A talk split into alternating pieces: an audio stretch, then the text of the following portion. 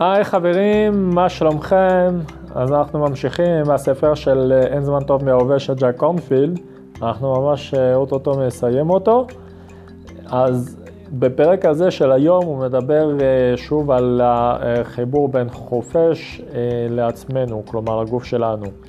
הוא נותן שם כמה דוגמאות של בן אדם שהוא נזיר מאוד ידוע, שהיה שם איזה מלחמה. והרבה מאוד אנשים אה, נהרגו במלחמה הזאת, ואז הוא החליט לבנות מקדשים לאנשים.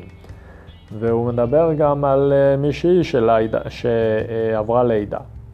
ובחוויית הלידה שלה היא פשוט התחברה לכל העולם, אם זה לחדר עצמה שהוא הייתה נמצאת, לילד בתוכה ולחיות וכל דבר שהיה.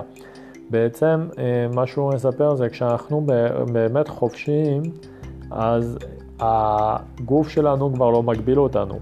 אנחנו פשוט הופכים להיות אחד עם הכל. ולא רק ב, כאילו, בתחושה בעיקר, אבל זה אה, פשוט לצאת מהגוף הפיזי שלנו אה, ברמה שאנחנו אחד עם כולם. דרך אגב, זו חוויה שאני, יוצא לי לחוות גם uh, לפני שינה כזאת, שאני הופך להיות uh, אחד עם uh, כל מה שמסביבי, בדיוק לפני שאני uh, נרדם, ואני ממש יכול להרגיש את זה.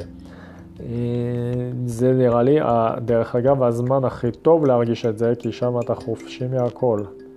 אתה פשוט בשקט שלך, בחדר, בחושר, uh, מורחק מכל המכשירים האלקטרוניים. ופשוט ברגע זה שאתה מתחיל להירדם, אז אתה פשוט חופשי. אתה כבר לא חלק מהגוף שלך, אתה כבר לא חלק מהמחשבות שלך, אתה פשוט חופשי. והחוויה הזאת זה מה שהיינו רוצים לחוות חוב הזמן.